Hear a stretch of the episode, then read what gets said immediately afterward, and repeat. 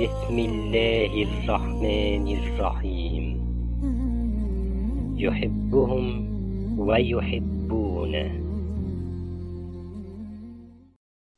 قال تعالى هو الله الذي لا إله إلا هو الملك القدوس السلام المؤمن المهيمن. المهيمن يعني الرقيب الحافظ يعني اللي شايفك وحافظك طول الوقت. يعني الأمين عليك يعني اللي محوطك بأمانه. ولله المثل الأعلى. أنت عارف الطفل الصغير أول ما يبتدي يمشي؟ دي بتبقى أول مرحلة يبعد فيها عن أمه ولو للحظات بسيطة. لأنها قبل كده بتبقى أمه شايلاه طول الوقت أو قاعدة جنبه. لكن لما يبتدي الطفل يمشي بيكبر معاه حب الفضول وحب الاستطلاع. فتلاقيه بيحاول يستكشف الدنيا حواليه ويجري هنا أو هنا ويحاول يشوف حاجات حاجات مختلفة. فلو حصلت أي حاجة خوفته أو سمع أي صوت خوفه إيه أول حاجة بيعملها؟ بيجري على أمه ويترمي في حضنها لأنها بالنسبة له مصدر الأمن والأمان. هسألك السؤال تاني بقى. ما بالك باللي خلقك من العدم؟ اللي خلقك من العدم اسمه المهيمن سبحانه وتعالى. المهيمن هو اللي شايفك من قبل ما تتولد. هو اللي شايفك وانت بتكبر وتجري في الدنيا دي. وهو الأمين عليك من قبل ما تتولد ولحد آخر نفس ليك في الدنيا.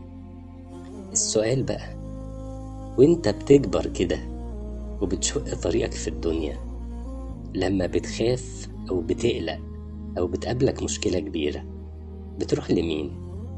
هل بتروح له؟ هل جربت تجري عليه وتشتكي له تشتكي له هو بدل ما تشتكي لحد غيره في الدنيا أنت ممكن تشتغل وتعمل مجهود جامد قوي سواء في شغلك أو في مذاكرتك لو كنت في مدرسة أو جامعة لحد ما تعمل نتيجة كويسة قوي توصل لحاجة كويسة قوي بس لما يجي وقت المكافآت تلاقي مديرك في الشغل حب يوفر في المصاريف. فاداك نص المكافأة مثلا اللي تستحقها أو ما ادالكش مكافأة أصلا. أو مدرسك قرص عليك شوية في التصحيح فادالك نتيجة أقل من اللي تستحقها. المهيمن سبحانه وتعالى هو بقى اللي شايف شغلك وعملك وحسناتك في الدنيا واللي مش هينقص من عملك ومن ثوابك شيء يوم القيامة. ولا اللي هيزيد اللي ظلمك أو ظلم غيرك في الدنيا عقوبة أكتر من اللي استحقها. المهيمن سبحانه وتعالى. رب اغفر وارحم وأنت خير الراحمين.